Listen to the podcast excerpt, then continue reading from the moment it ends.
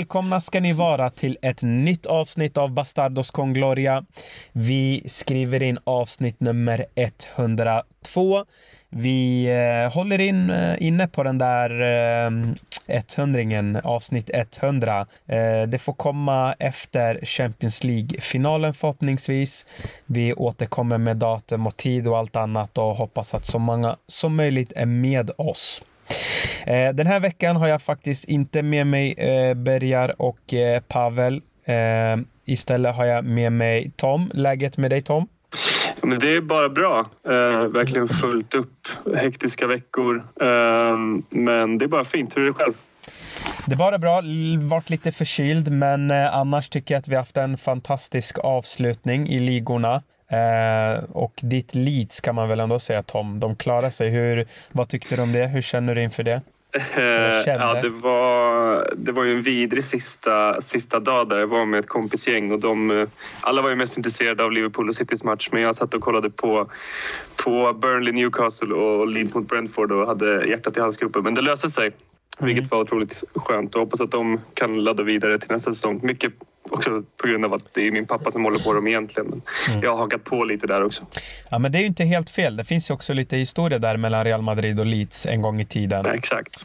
Eh, och eh, jag måste säga att det var väldigt skönt att Leeds klarade sig. Burnley är inte direkt eh, favoritlaget att titta på, om man säger så. Verkligen. Eh, och vi har också med oss eh, Rebas. Läget med dig Rebazo? Jo, men det är bara bra.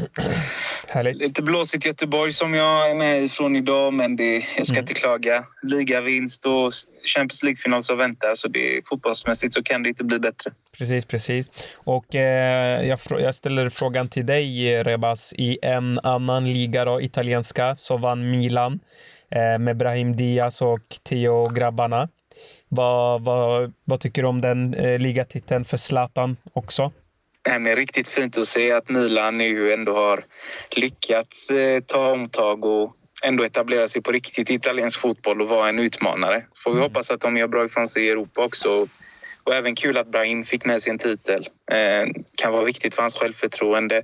Även om man kanske inte var så delaktig i det. Men det är ändå en del att vara med i, en, i ett vinnande lag. Det sätter ju en viss mentalitet hos en. Absolut. Eh, jag ställer frågan rakt till dig, Rebaz. Är Zlatan den bästa svenska spelaren genom alla tider? Jag tycker inte ens det ska vara en fråga, utan för mig är det tveklöst så. Sen kan man ju snacka om Grenoli och, och de gubbarna såklart, men eh, det var en helt annan sport på den tiden. Alltså det Zlatan har lyckats åstadkomma under så lång tid, det, mm. jag tror aldrig vi kommer få se något sånt igen.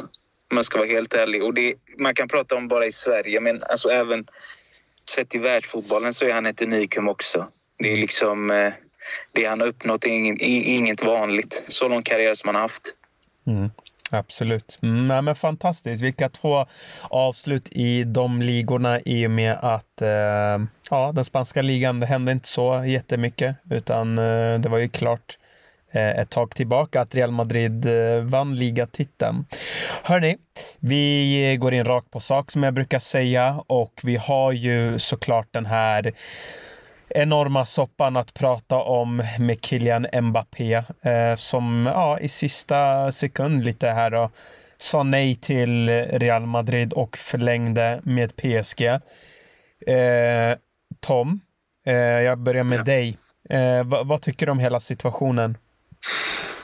Eh, ja, alltså så här, jag, någonstans hade jag det på känn väldigt länge. Även när väldigt många såg ut och var väldigt överens om att det var klart så, så har jag hela tiden känt att just med den här grejen så kommer jag inte liksom tro på det förrän det är officiellt. Eh, men det är klart att det är ju ett jätteslag för Real Madrid. Alltså, det är ett slag för killen Mbappé också, även om man kanske inte verkar förstå det själv karriärsmässigt. Så att jag tycker det är, det är tragiskt. Det är väldigt tråkigt att se att fotbollen går i den här riktningen bara mer och mer för varje säsong och varje år som går. Eh, men jag vet inte vad man ska säga. Alltså, största problemet för Real Madrid är ju att det inte finns... Eh, liksom, det finns ju inget andrahandsalternativ. Det finns ju ingen som är liksom, i närheten av liksom, den typen av värvning eller den typen av spelare överhuvudtaget på marknaden. Det liksom, jag hör folk prata om Ahmed Salah och, men han är liksom 30 år gammal. Det, det finns liksom ingen att gå på nu. Du, vet, du har ju varit inne på det här med att man ska bygga ett kollektiv istället och försöka stärka liksom, truppen och mm. skapa ett lag. Eh, det fattar jag ju också. Samtidigt så behövs det ju verkligen, har jag känt i alla fall, lite större spets på den tredje positionen där framme. Mm. Men nu är det väl bara att gå all in på att eh, Vinicius och kanske också Rodrigo verkligen mm. tar ett till steg. Eh, det är det man får hoppas på för att allt snack om om Serge Gnabry och det här vet jag inte riktigt hur mycket jag ger för. Eh, så vi får väl bara hoppas att de vi har kan steppa upp ännu mer. Mm. Intressant. Vi ska absolut prata lite mer om Silly. Men jag tänkte eh, innan vi går dit, eh, Rebaz Mbappé, han tackar nej. Vad, vad, vad, vad känner du? Vad, vad stör dig med det här? Det, det hela som stör mig med detta... Eh, visst, det är förvisso att han väljer bort Real Madrid som han ändå har drömt om men det är ju att fotbollen, i, speciellt i Frankrike, har blivit så jäkla politisk. Jag menar, alltså, hans beslut grundar sig inte enbart i det fotbollsmässiga utan han har ju fått påtryckningar från emiren i Qatar. Det är ingen liten spelare rent ekonomiskt för Frankrike. De har investerat mycket pengar i landet och Frankrike och de har väldigt bra relation. Mm. Han har ju även fått påtryckningar från Macron som ska ha ringt upp honom innan han tog sitt beslut och varit på honom hela året. Du har före detta Sarkozy som också var premiärminister i Frankrike tidigare som har varit på Mbappé. Så man har börjat använda en en ung spelare som kommer från förorterna i Spanien som någon slags politisk figur för för att få opinionssiffror. Man får heller inte glömma att eh, Macron inte gick så bra i valet senast. Det var inte långt ifrån att han torskade mot Le Pen. Och att eh, Le Pen är ju som de är väldigt eh, nationalistiska och snudd på nazistiska, rasistiska eller vad man ska kalla dem. Och att få in en mörk kille med bakgrund från förorterna som har lyckats och bli liksom som en frontfigur för Paris och Macron, det är ju liksom, det är mer än fotbollen som ligger till grund för det och det är mig riktigt, riktigt ledsen att det har gått så långt. Mm. Um, och det är det som stör mig så, så oerhört mycket. För det här handlar egentligen inte om pengar eller kontrakt utan det handlar om, det handlar om stolthet. Eh, mm, absolut. För eh, Eh, Qatarägarna och inte tappa ansikte men samt för Frankrike och inte tappa eh, en politisk spelare som han har blivit av någon oförklarlig anledning. Verkligen. Ja, men det är bra argument eh, du tar upp faktiskt. Och eh, ja, ja, det som stör mig med hela det här, alltså jag skiter egentligen i att, eh, alltså, att han eh, det, det, är okej, okay. förläng, och, förläng och allt det där med PSG och, och, och, och, så. Men grejen är att han har använt Real Madrid, tycker jag, till sin fördel. Eh, och det har han gjort genom att eh, redan 2017, redan då började det snackas om Real Madrid och, eh, och eh, han var väldigt nära förra säsongen och då började han gråta, sa han själv i en intervju, att han inte fick komma till Real Madrid. Och han hade gett sitt ord och det här kan eh, väldigt många journalister bekräfta att han hade gett sitt ord till Florentino Perez och så bryter han det. Det är det som stör mig. Vart ligger hans, eh, vad säger man, hans lojalitet? Var, vikten av att eh, hålla sitt ord. Det finns inte hos Kylian Mbappé. Eh, jag tycker som sagt, han är en av världens bästa fotbollsspelare utan diskussion. Men det spelar ingen roll när din karaktär och personlighet är skräp. För att du sa för några år sedan att Real Madrid är din drömklubb. Du har gjort en, eh, en hel eh, vet du, sån här tidning om det här. Eh, du, du har gett ditt ord till Perez och sen när du lyckas använda då Real Madrid till din fördel och utnyttja Real Madrid, då fick du ett så galet kontrakt som du säger Rebaz, där presidenten i Frankrike och emiren eh, blandar sig i att det, det, är omöjligt att konkurrera mot något sådant och då kommer vi in på en ännu större sak och det är ju alltså. Jag säger inte att Real Madrid har rent mjöl i påsen om vi ska nu vara lite djävulens advokat här. Eh, Real Madrid har också gjort saker som inte alltid är okej okay, eh, och eh, haft också Eh, delvis spanska regeringen bakom sig när man sålde träningsanläggningar och så vidare. Men nu, det här är en helt annan magnitud. Vi pratar liksom något som är helt gigantiskt. Eh, och eh, de här olje, oljelagen, det, det, det är omöjligt att tävla mot dem. Eller vad tycker du Tom? Vad säger du om det här? Ja, alltså sen det, dels det dessutom så sitter de nu i, liksom, i styrelser i, i Uefa och sitter Precis. och har liksom makt där också. Så att Ja. då, någonstans så känner man ju att de nästan äger eh, hela sporten Mm. på så vis.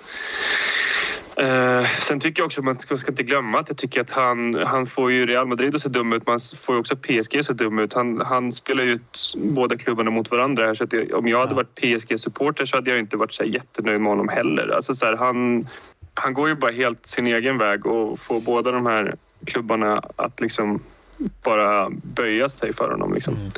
Eh, och han har inte slutat prata om Real Madrid efter den här förlängningen heller. Han, alltså, det, Precis. Flera dagar efteråt så fortsätter han fortfarande prata om Real Madrid och, och tack så mycket Perez för att liksom det och det och fram och tillbaka och man vet aldrig vad som händer om tre år och så här. Så jag tror inte han fattar riktigt magnituden av den här grejen heller. Eller så spelar han kanske dum, jag vet inte. Men någonstans så säger jag, jag, jag kan bli jätteirriterad på honom personligen. Visst, liksom att och liksom att han bryter löften och, och hela den biten. Men någonstans så känner jag att det, det, det, liksom, det som stör mig mest med allt är liksom att det är ju det är här vi är med fotbollen någonstans. Mm. Eh, det, det, det, liksom, det, det är med det större, större liksom perspektivet på det som, som kan störa mig Precis. mest. Mer än Mm. liksom Mm. att irritera mig på honom personligen. Så. Exakt. Ja, nej, ja, jag kan bara instämma. Eh, Och att liksom La Liga skickar in protester till Uefa och sen så ska det vara liksom Nasser som sitter och granskar den anmälan mot sin egen klubb. Det är liksom det är ett skämt. Så att, eh, ja. Ja, ja, och jag, jag tänker ju så här. Det som gör mig så jäkla irriterad i det här är ju att alltså, rent... Nu vet jag inte hur det här funkar, jag är ingen jurist, men är det inte något slags jäv när man sitter på dubbla stolar och ska avgöra eller vara med i sådana här ärenden ja. när klubben i fråga är den som liksom eh, pekas ut på något sätt. Alltså det, sånt här gör mig så jäkla frustrerad. Att pengarna har fått en sån jävla... Det har fått en sån jävla status i det hela att den med mest pengar är den som säger det som ska gälla. Visst, alltså det är ju så i samhället men jag tänker ändå fotbollen delvis har varit skonad från det när det kommer till besluten emellanåt. Sen på senare tid har man ändå lyckats se att både Uefa och Fifa är genomkorrupta så det finns inte. Ehm, så jag vet inte fan om det här är någonting man egentligen kan göra åt men det, det är väl snarare den nya verkligheten vi har att förhålla oss till. Eh, och det är ju det som blir så irriterande när det är... I det här fallet så blir det ju Mbappé som blir den grejen som eh, blir föremål för hela cirkusen men nästa gång så är det en annan spelare. Och gången efter det är det en till spelare. Så jag ser inget slut på det här när det kommer till PSG. Eh, och sen kanske eventuellt även City och sen har du Newcastle med nya påtryckningar som kan hålla hela FA i, alltså som gisslan. Eh, så det är, ju, det är ju det som det handlar om att någonstans så ökar ju kraven på klubban att betala ut stora summor till spelarna i form av löner, agentarvoden och allt vad det kan vara. Men intäkterna ökar inte i samma takt eh, och därför behöver man få in ägare som är kapitalstarka och vill göra lite sportswashing över sina inskränkningar på mänskliga rättigheter och det. Och jag, jag vet inte fan vad man, alltså jag vet inte vart vi kommer hamna. Det känns som att för mig är fotbollen delvis död. Eh, Det låter jättedystert och dystopiskt att behöva säga det men det är den realitet vi har att hantera idag, tyvärr. Mm. Absolut. 100 procent. Mm. Och, jag, och jag, som sagt, jag, även om vi är liksom inbitna Real Madrid-supportrar, jag säger inte här att Real Madrid som sagt är fläckfria. Real har också värvat för stora summor och eh, eh, man har varit väldigt tidig på att göra det. Man förändrade transfermarknaden väldigt tidigt. Men jag menar, man gjorde det ändå på ett sådant sätt att det var klubben som gjorde det. Det är inte nu en stat. Eh, korrup korruptionen eh, är enorm i staten och i eh, Uefa och i PSG. Så det är liksom så här, det, det, det är liksom överallt. Och det är som du säger Rebas, frågan är vart kommer det här sluta? För att fotbollen måste verkligen, precis som ett spel eller som en router, eh, Tom, jag berättade för dig, när man trycker in den där pennan och bara återställer hela skiten. All, alla, liksom, alla lysen bort med dem och eh, in med helt nya liksom, siffror. Jag tror det är det som kommer verkligen behövas. Men hörni grabbar, eh, jag som sagt, eh, jag, jag eh, är inte med på att Mbappé ska komma till Real Madrid. Jag vill aldrig se honom i den vita tröjan. Jag tänkte fråga er, vad, vad tycker ni Tom? Vad, vad tycker du? Är du lika, Om, att, om jag vill ha... ja, är du lika sentimental som mig? Vill, vill, du, vill du se Mbappé i den vita tröjan eller vill du inte se? Du är liksom irriterad som fan att han Ja, ja, nej. aldrig ska spela i vita Nej, tröjan. jag, jag är helt på ditt spår. Uh, alltså framförallt också sportsligt att vi inte kan gå och vänta i tre år på, på en spelare på det sättet. Men sen också liksom känslomässigt att han har ju bränt den bron och det tror jag väldigt många Real Madrid-supportrar är överens om. Eh, så att nej, uh, ja, så, så får man inte säga egentligen. Men jag, jag drog i den direkt att nu jobbar jag korsband på honom och sen en förstörd karriär. Men det var nog väldigt mycket i stridens, eller stundens hetta. Så.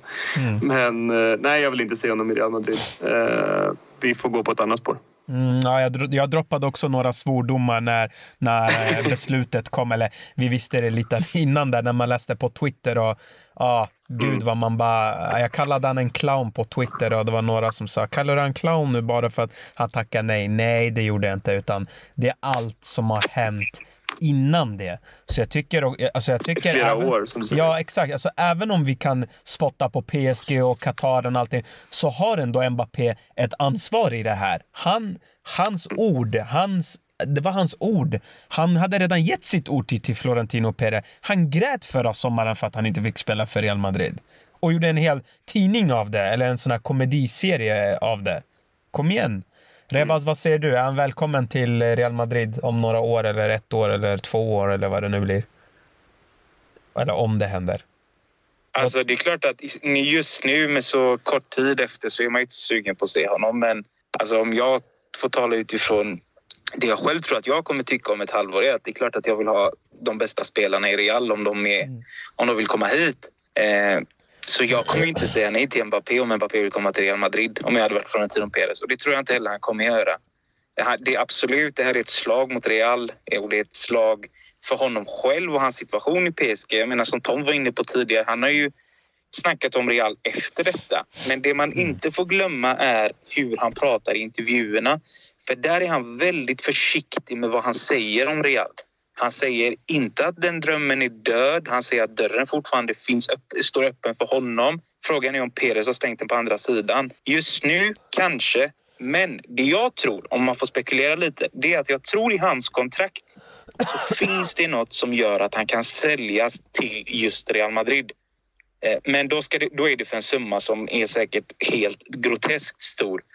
Eh, Jag vill se Mbappé i Real Madrid. Eh, Det är klart att jag vill det, för jag ser inte att PSG är hans slutdestination. Och jag skulle hellre skära av bollarna och käka upp dem än att, än att se honom i Liverpool. Ja. Eh, eller något annat lag. Så det är klart att jag hade velat ha Mbappé i Real. Men det är klart att man är lite lack och sårad eller vad fan det är man ska kalla det. Men Mm. nej, jag vill ha honom i Real fortfarande. Men när det blir, det, det vet vi inte. Eh, och det är klart att man just nu kommer vara tvungen att välja ett annat spår. Men jag tycker vi har en helt okej trupp. Vi kanske behöver förstärka lite. Mm. Eh, men när det väl är dags för honom att röra sig på riktigt och PSG verkligen känner att nej, men alltså, vi kan inte gå längre än så här. Då, då är det Real som gäller. Mm. Så Tom, ser jag på det. Men det är klart att Mm. vi behöver inte hålla med varandra. Men eh, jag ser honom gärna i den vita tröjan. nej men det är helt okej eh, Rebas. Vi vet att eh, Tom är ju student och jag är en ödmjuk lärare. Eh, vi är socialister och du är en galen kapitalist så att det är helt okej. det är ingen fara. Vi, vi, vi respekterar att du tycker så. Tom, det är så här kapitalister funkar. Så att sen när du blir klar och tjänar eh, dina pengar så eh, byt inte sida. Nej, absolut, jag lovar. Nej, men jag förstår. Det, men det är bra att du tar upp det. Alltså, det är som du säger också, man får kanske inte bli för emotionell och sentimental kring det här. Utan eh, det kanske är så att eh, när han väl ändrar sig, ja, då kanske dörren står öppen där för Real Madrid. Men jag tänker lite som Tom ändå, och, och, och jag tänkte så här, vi går vidare in på det lite eh, ändå.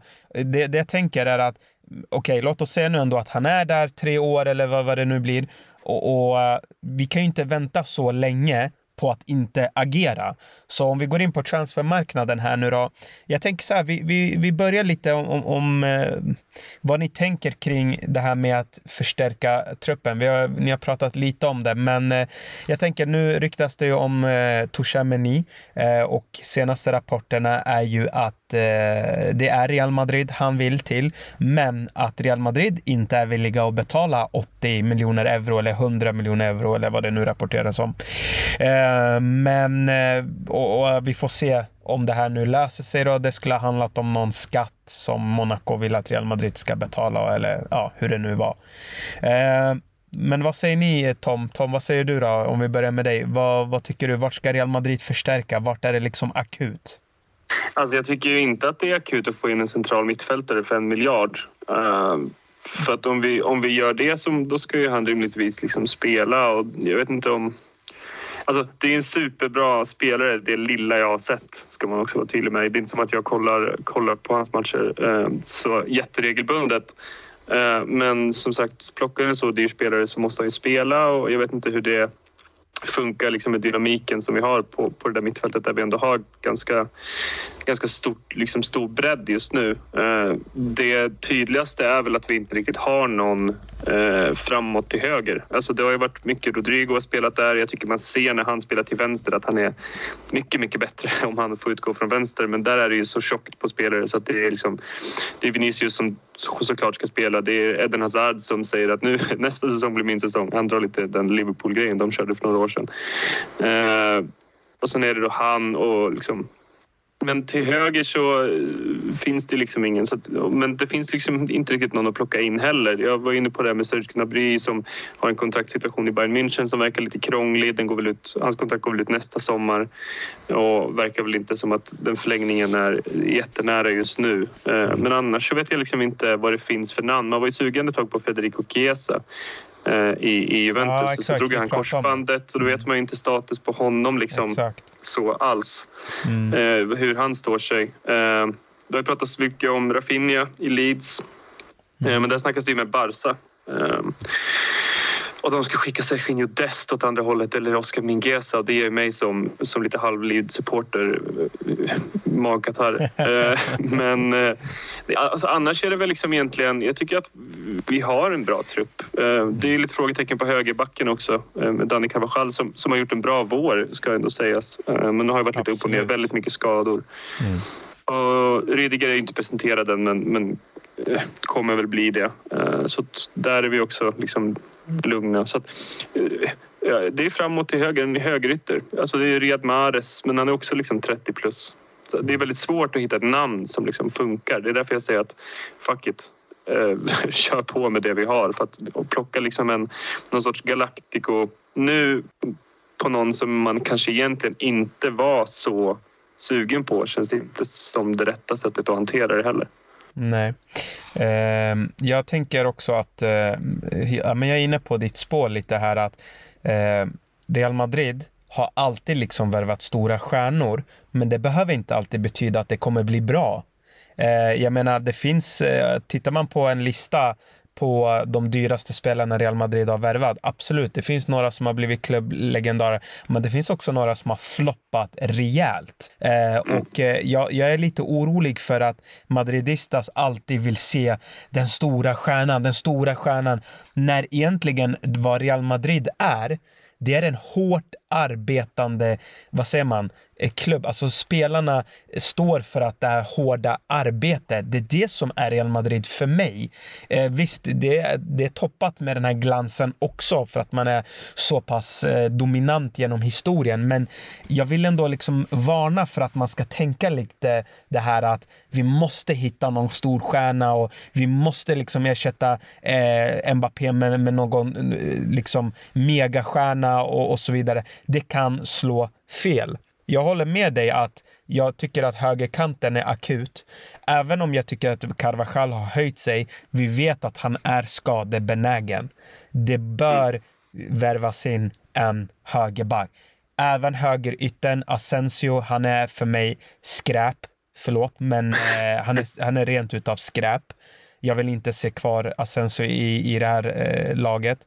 Eh, och jag tycker att en kille som Mares, alltså ja, han når 30, men åt, åtminstone, alltså kan man då förvänta sig så väldigt mycket stjärnstatus och stjärnglans från Mares? Jag tycker inte det. Jag tycker det är en, liksom en bra värvning. Varför inte? Eller som du säger Tom, låt bli.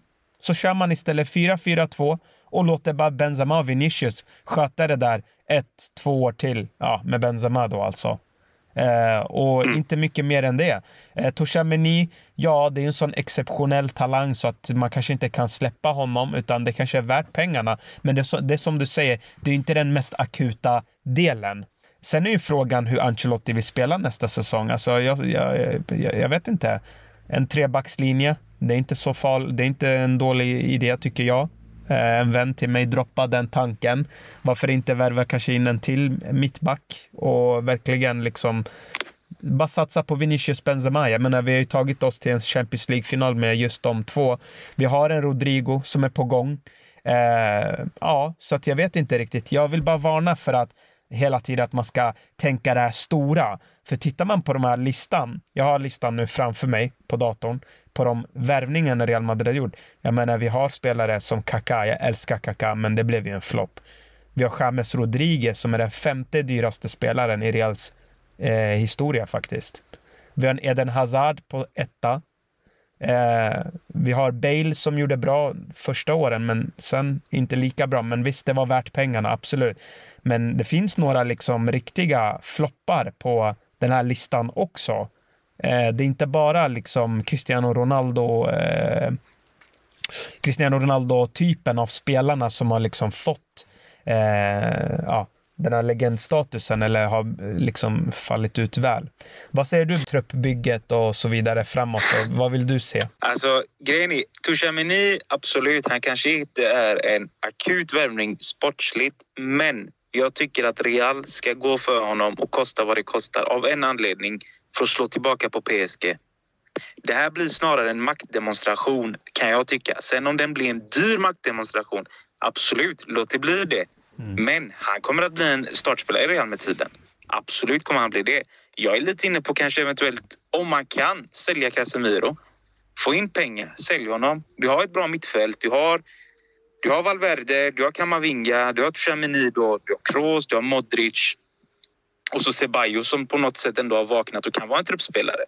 Så jag tycker inte att eh, vi ska släppa honom överhuvudtaget. Vi ska gå all in för honom. Det är min åsikt för att PSG ska inte vinna den här dragkampen heller.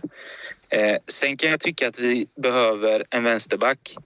Jag är av tycket att Mendy inte har i Real Madrid att göra för jag tycker att han är alldeles för dålig tekniskt och det är ingen spelare som vi kommer att dominera med på det sättet. Visst, vi har tagit oss till Champions League-final och allt vad det innebär men spelmässigt i matcher ibland så undrar man nästan... Alltså, han har ju teknik som en tolvåring som knappt har börjat spela elvamanna.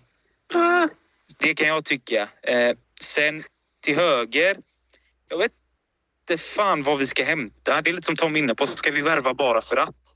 Mm. Eh, det kan bli ganska dyrt. Jag menar om vi ska gå för en, en Mares eller någon annan av den kalibern. Alltså det är spelare som kommer kosta i lön. De kommer inte komma gratis och kosta eh, som en ungdomsspelare som kommer upp. Satsa på Rodrigo då. Låt Ben spela fortfarande för han håller och Vinicius och så kan du ta in Valverde till höger när du behöver ha en högerytter och stänga en kant. Eller vad det nu kan vara. Så jag, jag, tror vi klarar oss rent offensivt. Men det är klart att det hade inte varit dåligt att in en spelare av kvalitet. Mm. Eh, men jag ser inte några akuta behov av det så sett. Nej. Sen hade man väl kanske inte klagat på en högerback heller. Eh, Carvajal i all ära, men han är ju han är ju skadebenägen. Vasquez håller väl inte riktigt i för att spela alla matcher i Real Madrid och vara startspelare. Så där, alltså ytterbackspositionerna tycker jag vi ska förstärka en spelare på varje och det är Tchouameni. Sen tycker jag inte att vi behöver något mer om jag ska vara helt ärlig. Mm. Hur ser ni på mittfältet då? Eh, Valverde, eh, Kamavinga och Tchouameni.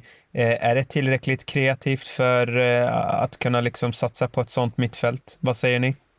Jag kan tycka att det kan, alltså det kan bli det. Det, ett, det blir en helt annan dynamik och det är ju, alltså vi har ju varit ganska lyck, alltså lyckligt lottade med att ha tre stycken som passar så bra ihop med Kroos, Modric och Casemiro.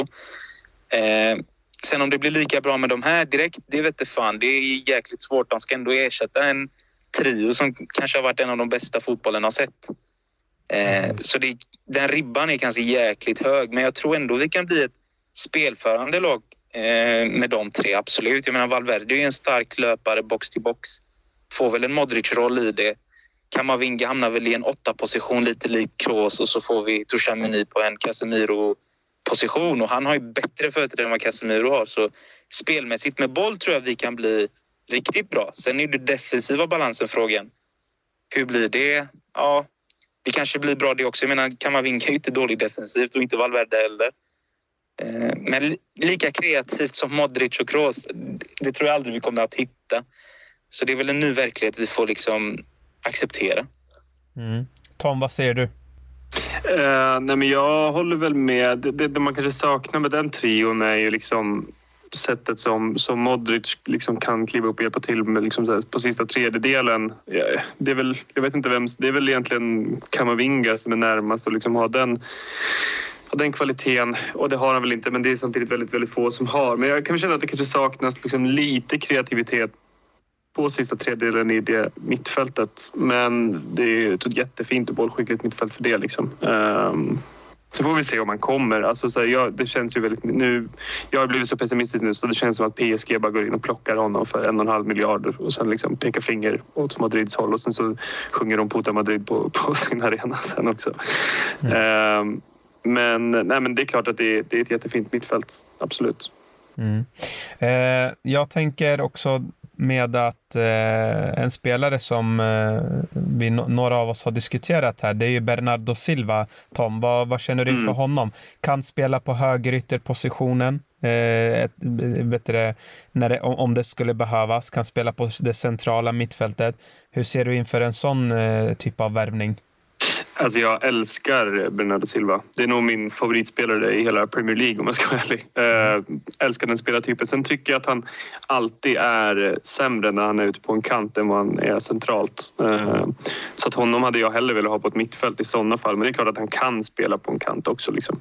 Så det hade ju varit en supervärvning. Det är väldigt synd att vi inte egentligen gick för honom när de skulle rea ut honom för 30-40 miljoner förra sommaren. Eh, nu lär han ju bara dyrare än så. Men sen, ja, det är klart, det är, det är en, jag älskar den spelaren men sen vet jag inte om det, det om, vi, om vi ska gå för det nu. Han är i och för sig inte så gammal. Han är inte, han kan vara 27 kanske. Mm, jag är osäker. Uh, kan vara det. Han, är, han var ju liksom rätt ung när han kom till City. Han är 27, han fyller 28 Eh, Eh, så att, nej, jag hade älskat att se honom i Real. Men det är väldigt mycket personligt. Om man ska försöka vara lite objektiv så, så vet jag inte om det är liksom det bästa. Mm. Mm. Eh, ja, vi har ju som sagt gått igenom det mesta eh, vad gäller Syli. De har ju nämnt lite den här Nkonko Eh, förresten mm. där då, se, vill ni inte se någon backup till Benzema? För att jag menar Jovic och Mariano är ju tyvärr, det verkar inte liksom... Det, det, det, det, det händer ingenting där. Och de två lär ju lämna. Ser ni inga backups till Benzema då? Eller hur, hur ser ni på liksom framtiden där? Kan det bli så här att Benzema blir mer skadebenägen? Han är tillbaka i franska landslaget. Han har spelat väldigt många matcher i år. Eh, och det blir liksom inte mindre heller. Eh, och det är ett EM, kanske blir mer försiktig och sådär. Eh, eller förlåt, VM och sen ja, eventuellt EM. Men eh, vad säger ni då? Alltså det är lite jag, samma... Jag hade...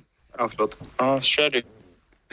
Men man hamnar i lite samma fälla som Tottenham eh, har gjort i flera, flera år med Harry Kane. Att du ska få in en spelare som är tillräckligt bra för att kunna komma in och liksom göra jobbet när Benzema saknas men som nöjer sig med att sitta bänk 90 procent av säsongen. Jag tror att det är väldigt svårt att identifiera den, den spelaren faktiskt. Jag vet inte vem det skulle vara.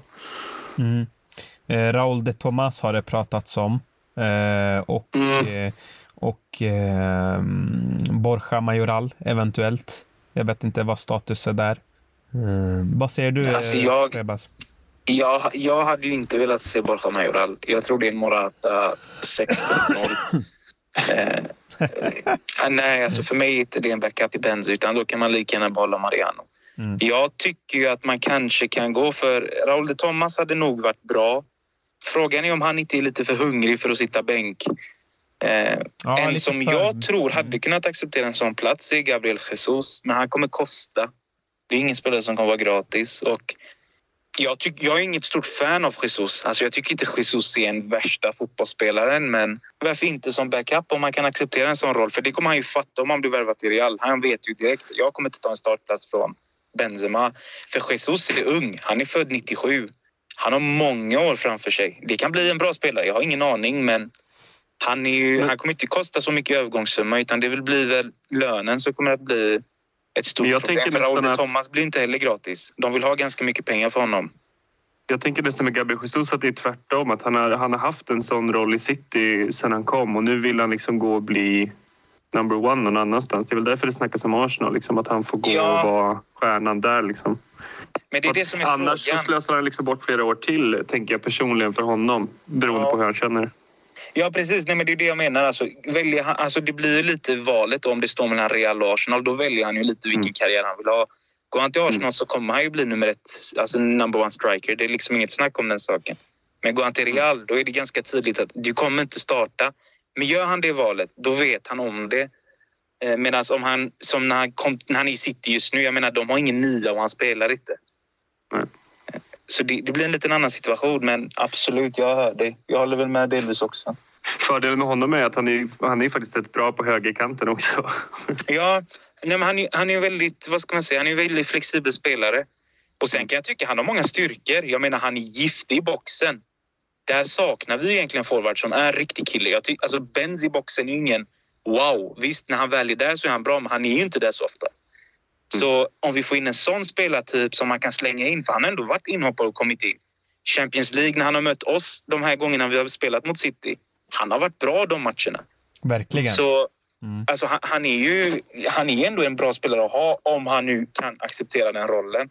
Och som du säger, är det sannolikt att han kommer göra det? Nej, kanske inte, för han är ung. Han har suttit på bänken i City. Han kanske vill visa Pep vad han går för för att, ja, för att äckla honom lite, med all rätt också. Men Mm. Ja, men det, det är en spelare jag inte hade tackat nej till i alla fall. Mm. Ja, grabbar, det finns ju som sagt, eh, det kommer bli väldigt intressant, men eh, Tom, vi tjatade ju här för många avsnitt sedan om att Real Madrid måste göra en generationsväxling och så vidare och så vidare. Eh, skulle du vara nöjd om man bara liksom hade, om man bara liksom värvar Rudiger och möjligtvis Fran Garcia? Är, tror tycker du att det är okej liksom att, att, ba, att man bara, de två spelarna och sen ingen annan?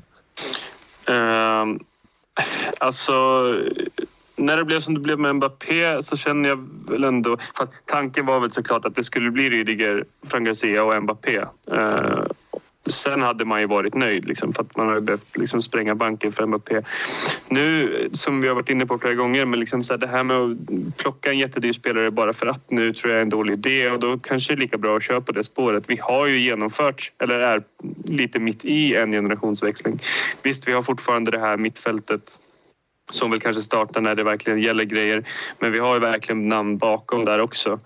Eh, framåt så visst, det är fortfarande Karim Benzema men, men det är också Rodrigo som kommer in och, räddar oss i Champions League-semifinaler. Det är Vinicius som gör ja, men 40 någonting mål och assist i alla, alla tävlingar. Liksom. Eh, sen är det ju då bakåt. Alltså, Rydiger är ju ingen gammal. Eh, Alaba är inte heller gammal. Eh, och Edi Militao är ung. Liksom. Så det hade eventuellt då högerbacksplatsen. Men jag tycker att vi har genomfört, eller håller på att genomföra en generationsväxling som än så länge är väldigt lyckad. Så att om det skulle bli de värvningar man gör, visst, det kanske liksom inte är det sexigaste transferfönstret eh, som Real Madrid har gjort på långa vägar. Men, men det är ändå, ändå ett bra transferfönster skulle jag säga. Mm, absolut. Eh, och hörni, vi måste också prata lite ändå om att eh, det verkar ändå vara lite mer nu kring Eden Hazard. Kan det bli ett nyförvärv, eh, Rebaz, eller är det liksom kört? Vi har, vi har pratat så mycket om honom här på podden och svorit eh, åt honom och eh, ja, mest jag då. Men, men eh, har, har det, har, finns det någon, något hopp där om att han har liksom nu tagit bort den här, äh, vad heter vad är det, någon stålgrej från uh, hälen. Plåten i ankeln. Ja, eller vad det är, något sånt. Och sen att Courtois sa jag har hört liksom Hazard säga att nästa år kommer bli mitt år. Kan liksom Ancelotti använda honom som en falsk, eh, ja, eller vad säger man, fast nia, tia eller, yt, eller en högerytter eller ja, att han får plats någonstans. V vad, vad tror du? Jo, men alltså, jag har ju varit den som har varit en, en av de starkaste kritikerna gentemot Hazards tid i Real. Mm. Eh, jag tror att han kan få ett uppsving nästa säsong. Jag tycker den matchen han kom in, nu kommer jag fan inte ihåg mot vilka det var, om det var mot Cadiz eller vilka det var, där han såg riktigt jävla pigg ut. det såg inte ut som att han hade några besvär. För jag tycker tidigare i matcherna han har kommit in under säsongen att han har sett lite försiktig ut. Han har mest bara liksom gått runt på plan och fått boll på och spelat tillbaka. Men nu, han ville kombinera, söka sig inåt i banan. Mm. Visa att nej, jag är här. Jag ska, jag ska ta en plats eh, nästa år. Jag hoppas det. Jag tror ändå att han kan eh, bidra med något. Vi får heller inte glömma, Hazard sitter på mycket fotboll. Får vi igång honom, då vet det fan om vi kommer behöva kolla på någon spelare till på ett bra tag om Benz håller. För att säg nu att Ancelotti går till en 4-2-3-1 och använder Hazard i en tia position så att han hamnar ja, snäppet över där Modric spelar idag och kan avlasta och de bitarna. Då, då kan han bli farlig. För jag tycker det är där han ska vara. Han ska inte vara ute på en kant. Han ska vara en tia där han kan vända upp, kombinera och hitta instick bakom. Och där är Hazard, om han är i form, alltså det går inte att hitta en bättre spelare. Eh, så jag tror och jag hoppas på Hazard för en gångs skull under alla dessa år sedan han kom så känns jag lite hoppfull inför nästa säsong och Eden Hazard. Mm. Vad säger du Tom om Eden Hazard? Eh, är det kört eller? Jag har aldrig slutat tappa hoppet. Mm. Eh, jag har ju jobbat i brant uppförsbacke för både Eden Hazard och Luka Jovic. Jovic! Jovic. Eh, jag står kvar vid båda namnen. Luka Jovic kommer också ha en ja, Jag var tvungen att hosta där. Ja. eh, nej men alltså, jag, jag håller absolut med. Det är inhoppet mot Cadiz. Mm. Eh, det låter också hemskt, men jag gillar också att han går in i en duell. Nu slutade det ju med att Cadiz-spelaren tyvärr bröt foten. Eh, men man såg att han hade... Ja, men, man, man ser att han har ändå en jävla hunger och har flera aktioner som är jätte, jättebra. Eh, och det har man ju sett liksom då och då. Det gäller att få kontinuitet. Det gäller att han känner att han har ett förtroende. Det behöver inte betyda att han startar varje match. Nej. Men att han känner att han, har, att han är en, en, viktig del av den här truppen. Det är väl, det är väl typ det det handlar om. Liksom.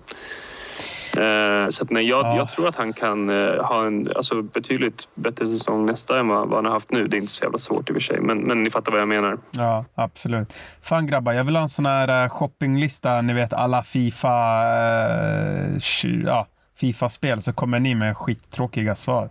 Nej, den ska vi inte värva. den ska vi inte värva. Jag vill ha liksom eh, den här 12-åringen som bara Låt oss värva Gabriel Jesus, Bernardo Silva, Kevin De Bruyne. Ni vet hela den biten. Just det. Son kanske? Ja, verkligen. Ja, Son. Uff. Uff. Uff, uff, uff, uff. Mm. Ja. Där har du min favoritspelare i Premier League, men fuck vad dyr han kommer vara. Ja, med Levi också. Ja, exakt. Sista dagen, va? Med Bale. Ja. ja. Det blir fyra miljarder. Ja, precis. Eller hur? Eh, vilka spelare tycker ni är då givet liksom eh, ska lämna? Eh, vad säger ni om Marcelo förresten? Det var lite snack om det. Att, eh, alltså är det... Alltså Real Madrid är ju, det är ingen välgörenhet, men... Eh, och, det, och det ryktas som att man såg eh, Marcelo säga till Vasquez i någon match att jag har varit ett eh, jävla exempel i den här klubben och den här jävla klubben kommer inte, eller något sånt, kommer inte förlänga med mig och så vidare. Men eh, vad säger ni om Marcello då, Tom? Är det läge att säga adjö nu en gång för alla eller är det liksom så här, nej men vad spelar det för roll om han är på bänken? Det är väl inte hela världen. Han bidrar till, mm. liksom, till en god stämning i omklädningsrummet. Han är en kapten. Han, han kan liksom Real Madrids traditioner och sådär. Vad, vad känner du? Nej, men jag, jag, jag känner ungefär som du, som du säger där. Eh, det är väldigt deppigt att se honom när han har spelat den här säsongen för att han är så långt ifrån den Marcello som... Det är inte ens så länge sedan liksom, han var världens bästa vänsterback. Liksom. Exakt. Eh, så att eh, det är klart att han inte har ens i närheten av den nivån kanske som krävs för att vara en startande spelare i Real Madrid. Men det är väl inte det det handlar om utan det är ju lite det här med att vara fanbärare för vad den här klubben innebär och liksom hela den biten och det har han ju såklart fortfarande. Så att, Alltså jag, jag, tycker att han kan få en förlängning. Jag tycker han förtjänar att få liksom gå i pension i Real Madrid. Eh, och liksom vara, vara en figur i omklädningsrummet. Han är ju uppenbarligen väldigt omtyckt av, av alla liksom, och har ju varit jämt som man har förstått det. Mm. Så att, eh, nej, jag ser gärna Marcelo med en förlängning och, och liksom få, mm. få vara en del av klubben så att säga. Vad säger du eh, Rebas? Förläng han inte som spelare. Ta med han i staben på något sätt. Mm. Jag tycker inte att han ska ta en truppplats. Mm. Nej, alltså grejen jag tycker så här. Jag, jag, jag, jag, grejen jag, jag tyckte jag var väl, väldigt... Eh, irriterad en gång i tiden över den här generationsväxlingen. Tom, det tror jag du kommer ihåg. Eh, vi pratade mycket om eh, många spelare, inte bara Marcello. Tyvärr till, till exempel nämnde jag Modric. Där hade jag jävla fel kan man ju säga. Men, eh, men Marcello, alltså grejen är så här. Jag ville att jag vill liksom att han går vidare. Men sen tänker jag så här, har vi ändå inte utrymme för det nu? Vi har ändå påbörjat en ganska bra generationsväxling. Kanske att han är kvar en säsong till. Ja, om inte Real ändå ska värva någon. Å andra sidan, eh, Rebaz, jag förstår vad du menar. Vissa matcher blir man ju helt galen på att Mendy spelar mot lågsittande försvar. Det är som att Vinicius är helt själv. Det är bara han, han ska liksom göra det själv helt och hållet. Eh, och det, ja, jag vet inte. Det kanske är bra om, eh, om en ny spelare får chansen istället. Ja, jag vet inte. Det är en 50-50 för mig. Jag vågar inte svara på den, faktiskt. För att han kommer med mycket gott också. Ja, hörni, det var mycket om eh, truppen. Eh, vi går lite vidare. Eh, vi har ju en Champions League-final framför oss. Och det är ju ingen mindre än Liverpool Eh, och eh, jag ställer den här frågan till dig Rebas. Vad ska Real Madrid göra nu för att inte börja med att ligga under i en match? Här snälla, ligg inte Sitt. bara under. Sitt lågt första 20, lägg ja. långt ja. och låt Liverpool starta om varje anfall. För det här är precis som jag sa, den finalen vi vann mot Liverpool när Salah gick ut skadad. Mm. Gör de inte mål första 20, då har vi vunnit matchen. Och det gäller den här gången också. Släpper vi inte ett första 20 så kommer vi att vinna matchen. Mm. För då kommer Liverpool bli frustrerade, mm. de kommer att tappa i positioner och då är de sårbara i omställningar så det finns inte. För jag menar, att sitta lågt när du har Vinicius på en kant med en väldigt offensiv Trent, det gör inte mig någonting. Det är helt okej okay om vi inte har boll. Mm. mm. Vad säger du Tom? Jag håller med eh, helt. Eh, jag utgår ifrån att Liverpool kommer gå ut helt ursinnigt första kvart, 20 minuter. Man är ju livrädd att det ska bli som liksom, inledningen City borta, att vi blir totalt sönderpressade och släpper in två snabba mål. Eh, nu löser sig det till slut ändå, i alla fall över dubbelmötet. Men jag har inga problem med att sitta, sitta lågt och gå på kontring mot Liverpool, för det är så man slår dem. Du, du, vi kommer inte liksom kunna slå sitt, eh, förlåt, Liverpool genom att vara någon sorts spelförande lag och försöka pressa högt mot dem. Eh, för det är där då de är som bäst. Liksom. Eh, sitt lågt, gå på kontring och liksom täpp igen. Jag önskar att vi kunde få in Rydiger lite tidigare än vad vi nu kommer få. För att jag är livrädd för det här mittförsvaret. Eh, I alla fall inledningen av matchen när de får bollen vid fötterna och ska försöka spela sig ur den här pressen. Mm. Främst då det Militao. Alla bara löser det såklart. Mm. Jag håller delvis med er båda två. Alltså jag tycker också att man ska sitta lågt, men det jag vill inte att man gör, det är att sitta lågt och är totalt skit i behandlingen mm. av bollen och ge bort den i farliga ytor. För där vet vi att Liverpool kommer hugga som en kobra och straffa Real Madrid. Och det är inte ett dubbelmöte nu. Det finns ingen Bernabéu. Nu är det på eh, Parc des Princes i, i, i Frankrike, eller hur? Visst är det den arenan? Ja. ja den, den, exakt. Och eh, jag menar, finns det inget dubbelmöte, då går det inte heller att rädda upp. Så att det jag vill gärna se, det jag tror är nyckeln, det är försvarsspelet. Men det är också vilket typ av försvarsspel. Och där är jag livrädd för Eder Militao. Jag är livrädd för den mannen. Han gör sådana enkla misstag. Och det jag kan se där det börjar, det är faktiskt med hans bollbehandling. Det är där det hela mm. börjar. När, han, när man ser att han är osäker och inte liksom hinner slå bollarna i tid eller de går till fel adress eller han bara tjongar iväg i helt onödan. Då vet jag, ah, då även i nästa aktion så blir han jätteosäker och liksom hänger inte med. Han är överallt, misstajmar. Eh, hänger inte med i markeringen och så vidare. Så för mig vill jag, jag, som, som ni säger båda två, det är klart att vi ska stå lågt mot Liverpool, men det är också på vilket sätt vi gör det. Eh, för att eh, det där försvarsspelet måste verkligen sitta. Eh, men vad tror du om Militao då? Vad tror ni? Tror ni att han kommer höja sig till den här eh, finalen? Nej, jag tror att de kommer få en straff på honom. Det var exakt det jag skulle säga också. Mm. Okej, okay, det där var det... positivt. Härligt grabbar. Vi vinner finalen alltså. jag... Men, ja. För övrigt så, det, det är Stade de France, inte Parc des Princes. Ja, okej, okay, ja vad bra. Ja, jag blandar. Ja. Det, just nu hatar jag Paris. Ja, men det är lätt att blanda ihop. Ja, men jag hatar Paris ändå. Nej, jag skojar. Fortsätt. Ja. ja. Eh, nej, men alltså, så här, det kommer ju bli jätteviktigt för eller, att, att vårt mittfält och Modric och Kroos kan droppa ner och, och liksom avlasta i uppspelnings, eller uppspelsfasen. För att det klart, visst, alla bara hanterar det, men, men, men Militao bredvid är ju inte direkt den bästa mittbacken med bollen vid fötterna. Mm. Eh, så det kommer bli jätteviktigt för att att vi får, eller att han får hjälp av de två att spela sig ur den. Det kommer ju vara en jättepress inledningsvis. Det vet man ju. Det är i typ alla Liverpool-matcher. Uh, så det är väl någonstans där det blir viktigt. Och sen tror jag väl tyvärr också att de kommer ju... Jordan Henderson kommer spela på mittfältet och han kommer ju de hjälpa Trent så, så det bara sjunger om det mot Vinicius. Vinicius kommer ju typ inte få en enda möjlighet att gå en mot en mot Trent för att Henderson kommer bara stå där. Ja. uh, mm. Men att få in bollen bakom, det är väl det, det viktiga. Och det, då behöver det gå fort. Mm, verkligen. Hur ser ni på Liverpools status då, eh, Rebaz? De har eh, en Salah som spelade mot eh, Wolves ungefär, ja, vad kan det vara, 20-30 minuter.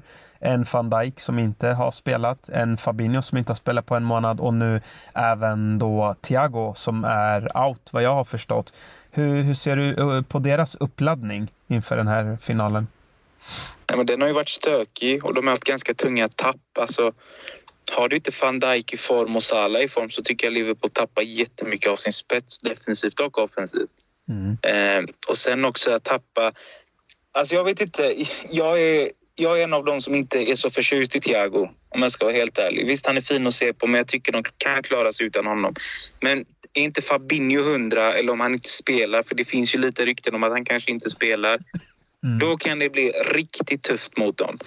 Eller för dem. Och då är frågan, efter att laguppställningarna kommer ut, då kan ju faktiskt Carlo Ancelotti ändra sin matchplan. Varför ska vi ligga lågt när de inte har kvalitet på mittfältet? Pressa dem centralt och så ut på kanterna och blås bara. Så mm. nej, alltså, de har haft en stökig uppladdning. Jag tror inte det, det här vad Klopp hade velat och önskat. Eh, så det, får ju vi, alltså, det måste ju Real ta fördel av. Precis. Absolut. Mm. Ja, men jag tänkte lite på det att eh, som du säger stökig uppladdning, eh, väldigt viktiga spelare också dessutom och ingen Thiago, eh, även om eh, Thiago har sina brister, men det är ju ändå han som sköter mycket med det här med tempot, passningsspelet, att det liksom flyter på. Han löser också vissa situationer väldigt, väldigt enkelt och bra. Eh, så att jag hoppas ändå, som jag sa tidigare, att även om Real Madrid skulle stå lågt, att man inte liksom ger för mycket heller till Liverpool, för det också straffar sig. Vad säger du Tom? Vad, vad tycker du? Vad, vad känner du inför eh, Liverpools uppladdning och vad Real Madrid kan utnyttja? Alltså någonstans, det är lite, det är lite liksom tvådelat det där för att de har ju haft så otroligt viktiga matcher hela vägen in nu till, till avslutningen. Mm. Eh, och behövt matcha väldigt hårt och det har varit cupfinaler och det är liksom varje ligamatch är ju typ en cupfinal också liksom varje gång. Eh, och, och liksom stora avbräck såklart. Min känsla är väl att Fabinho kommer spela. Han har ju åtminstone tränat med laget som jag har förstått det. Det har inte Thiago gjort så att mittfältet blir väl Fabinho, Henderson och, och Naby Keita säkert om jag fick gissa. Ja. Eller om man slänger in James Milner för att få riktigt jävla liksom, enbart rutin på det där mittfältet. Men det tror jag inte. Det blir väl Naby Keita. Och Keita har väl haft en bättre säsong den här säsongen än vad han har haft liksom, sedan han kom tidigare. Eh, men är ju inte någon superspelare på något sätt. Det kommer säkert få äta upp nu. Eh, men frågan är liksom vad som är bäst för de är ju verkligen uppe i i liksom full, fullt matchtempo och liksom lite fortfarande mitt i sin säsong medan vår säsong, alltså ligasäsong, tog slut för ett tag sedan och vi har spelat, liksom roterat väldigt mycket och liksom ingen har brytt sig så mycket egentligen. Den här 0-0 matchen mot Betis var ju det mest avslagna man har sett på jag vet inte hur länge. Ja, den var hemsk. Eh, ja, det var egentligen bara Benzema som sköt en massa för att han ville göra fler mål men det lyckades han inte med heller. Eh, men alltså en sak som är nästan liksom konstig är ju hur hur mycket Salah har tappat i sin form sen egentligen årsskiftet. Liksom. Uh, han är ju uttalat väldigt sugen på revansch efter 2018 och liksom hela den biten men har ju faktiskt varit alltså, sämst av de tre där framme för, för Liverpool. Jag tycker både, både Diaz och, och Mané framförallt har varit bättre. Mm. Men vi får väl se. Han löser väl förmodligen en straff mot Ede Militao och, och dunkar dit den. Uh, det är svårt att avgöra vilken uppladdning som har varit liksom bäst som sagt. För Liverpool har haft väldigt tufft men är också väldigt mycket i matchtempo och Real har haft det väldigt lugnt på sistone men kanske inte riktigt är up to speed 100% Liverpool har ju tappat i form överlag. Jag tycker inte de ser lika bra ut nu som de gjorde för några månader sedan. Mm. Mm. Ja. Grej, grejen med Liverpool är också de matcherna där de har spelat eh, nu mot slutet inför finalen om man ska ta ligan och allt vad det är. Det har varit matcher de verkligen har varit tvungna att vinna hela jävla tiden. De var tvungna mm. att gå för det och gå för det och gå för det. Och om man kollat matcherna så har det varit jättetydligt fokus på det offensiva. För defensivt så tycker jag de läcker. De har såna stora ytor mm. centralt framför backlinjen men även på kanterna. Och frågan är då om de lyckas ställa om så fort och hamna där att veta vi möter Real Madrid. Vi kan inte vara så desperata framåt. Vi måste ha en balans. Tappar de den balansen, då tror jag att vi kan såra dem flera gånger. Det som dock ska tilläggas är att deras mittfält, om det är de tre som du nämnde där Tom, då får de en väldigt defensiv eh, eh mm. balans i, sin, i sitt mittfält. Naby Keita är bra defensivt. De har Fabinho som är bra defensivt och Henderson som du var inne på som kommer dubbla upp mot Vinicius. Då är frågan offensivt då. Då blir det ju Salah som kanske får komma in i banan lite. Det kanske avlastar lite för Mendy att kunna trycka upp om han nu gör det för en gångs skull. Eh, så det fin- alltså, jag tycker det finns mycket i det som kan vara positivt för Liverpool men det finns mycket i det som också kan vara positivt för Real med att de har haft så tuff matchning mot slutet. Mm, absolut. Mm. Men vad, vad, tycker ni då om det blir en sån här uh, avvaktande final då, som finaler brukar bli? Finaler brukar ju vara skittråkiga. Ja, inte alla, men många brukar ändå vara sådär. Ja, man avvaktar, man är försiktig och sådär. Den matchbilden, vem, vem passar den bäst då, Tom? Det, det tror jag absolut passar oss bäst. Mm. Uh, för att vi har den rutinen, vi vet hur man vinner sådana matcher. Det, det Liverpool vill åt här är bara att skapa kaos från första minuten. För då vet de att vi kan virra bort oss. Det har vi sett flera gånger den här Champions League, den här Champions League eh, mm. våren, både mot Chelsea hemma, City borta. Liksom. Då, då kan vi vi, vi kan bli uppstressade i sådana situationer, framförallt då liksom backlinjen där även Alaba ofta kan gå bort sig. Liksom. Så att om det, drömmen är ju någonstans att det blir så tråkigt som möjligt och avvaktande och långsamt. För då, då tror jag vi har fördelen, även om det kommer vara tråkigt att titta på. Mm. Vad tycker du, eh, Rebas, om det blir sån där avvaktande final? Vilka tror du drar fördel av det? Jag tycker inte den är lika solklar som Tom fick det att framstå. Eh, men det är skönt att vi inte håller med varandra.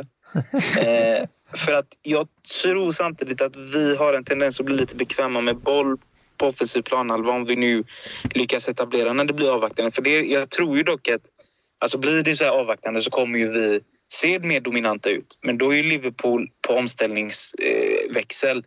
Och då är frågan, är vi tillräckligt samlade för att hantera omställningarna? Vette fan alltså, för där är de, där är de giftiga Liverpool. Men lyckas vi hantera det, alltså hantera deras eh, vet du, omställningar offensivt, då, då tror jag vi vinner en sån match utan problem tack vare rutinen men också för spelarna vi har som, kan, som då kan kontrollera matchtempot. För Kroos, Kroos i de matcherna är magisk. När det liksom bara står och väger och han får rulla boll och diktera tempo. Det är då han är som bäst. Men i en matchbild där vi ska ligga lågt och han ska rensa. Äh, han ska inte vara den som täcker yta. Han ska vara den som har boll. Mm. Ja, jag, jag är faktiskt eh, lite så här jag tänker lite på det här med Rodrigo och Valverde. Jag vill ju se Valverde från start eh, och jag vill se Rodrigo på bänken. Jag tycker eh, Rodrigo är också en bra injektion om det skulle behövas. Eh, men jag tänker på Kroos. Eh, skulle det inte vara bättre med Kamavinga i en sån här match? Eller Rebaz? Eller är jag helt ute och cyklar? Alltså, det är så svårt att säga. Alltså, egenskapsmässigt jag hade hellre spelat Valverde på crossposition i så fall och så Rodrigo till höger eh, mm. än att spela Kamavinga. Man får inte glömma, han är jävligt ung och det är en Champions League-final mot ett väldigt hämndlystet Liverpool. Det kan vara lite mycket för honom. Släng in honom om det behövs en injektion centralt, absolut. Men starta honom. Jag vet inte fan om det är så jäkla snällt att göra en sån sak mot en så ung spelare. Eh, jag vill ändå se Kroos, för jag tror ändå att han kan han kan vara väldigt viktig i en sån här match. Om det blir en final där det står och väger och bara liksom ingenting händer och det, det är helt vad ska man säga, stilla i princip. Bollen är bara centralt. Då tycker jag Kroos ska spela. Mm. Men, så det är jättesvårt att svara på förhand. För att matchbilden, jag vet inte hur den kommer se ut. Men som sagt, jag tror definitivt att Liverpool kommer pressa ihjäl i början. Och då kanske inte Kroos är den bästa.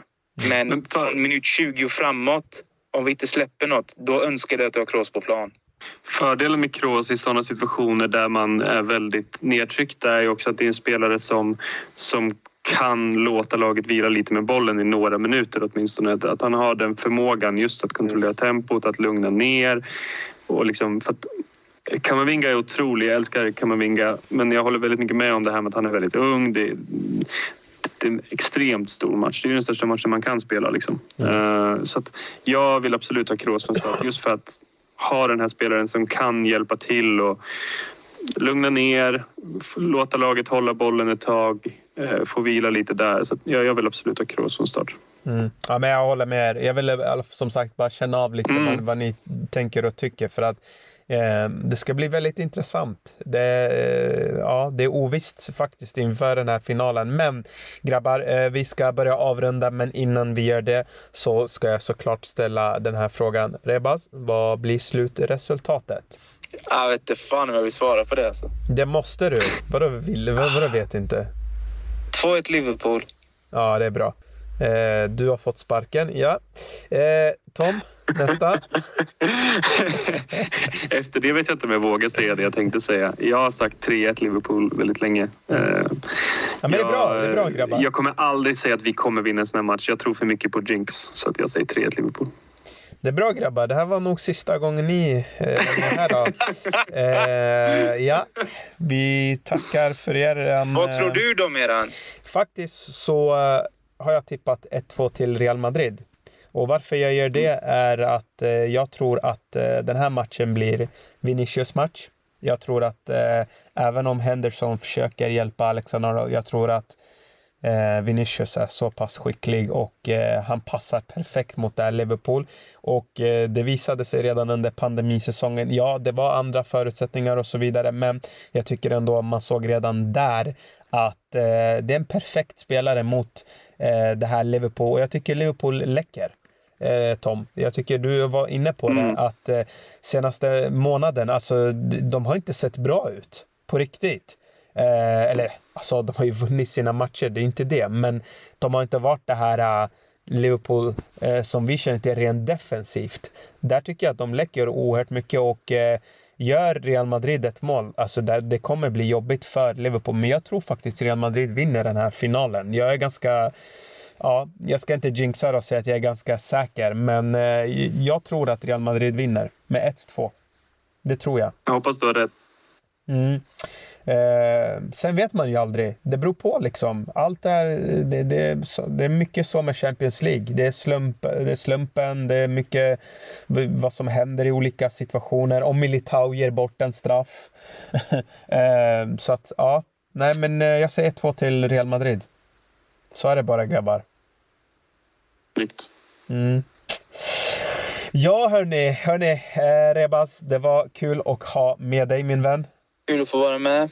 Och du är skyldig Bergar en burgare förresten. Han har försökt hitta dig, eh, men eh, han sa att han Jag inte... tror jag skyller honom wagyu-stek efter två misslyckade Mbappé-försök faktiskt. Ja, exakt. Eh, han, han nämnde det i, en po- i ett poddavsnitt. Du får lyssna på det om du inte har gjort det. Men, Jo, jag har hört det. Ja. Han har varit på mig om det också, så Mm. han ska få sin jävla burgare. Mm. bra, bra där. Bra. Tom, det var alltid lika kul att ha med dig. Tack, det var jättekul att vara med igen också. Härligt. Hörni, och eh, till alla som lyssnar, förhoppningsvis i nästa avsnitt så eh, firar vi ett Champions League-guld tillsammans. Eh, det ska bli så intressant. Vi hörs. Adios. Adios. Adios.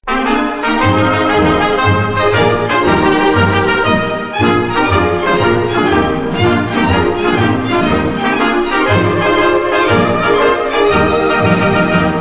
las glorias deportivas que campean por España. Va el Madrid con su bandera, limpia y blanca que no empaña. Club castizo y generoso, todo nervio y corazón Veteranos y noveles, veteranos y noveles miran siempre sus laureles con respeto y emoción. A la Madrid, a la Madrid, noble y bélico Atalid, caballero del honor. A la Madrid, a la Madrid, a triunfar en buena lid, defendiendo tu color. A la Madrid, a la Madrid, a la Madrid. A la Madrid, a la Madrid, y bélico Atalid, caballero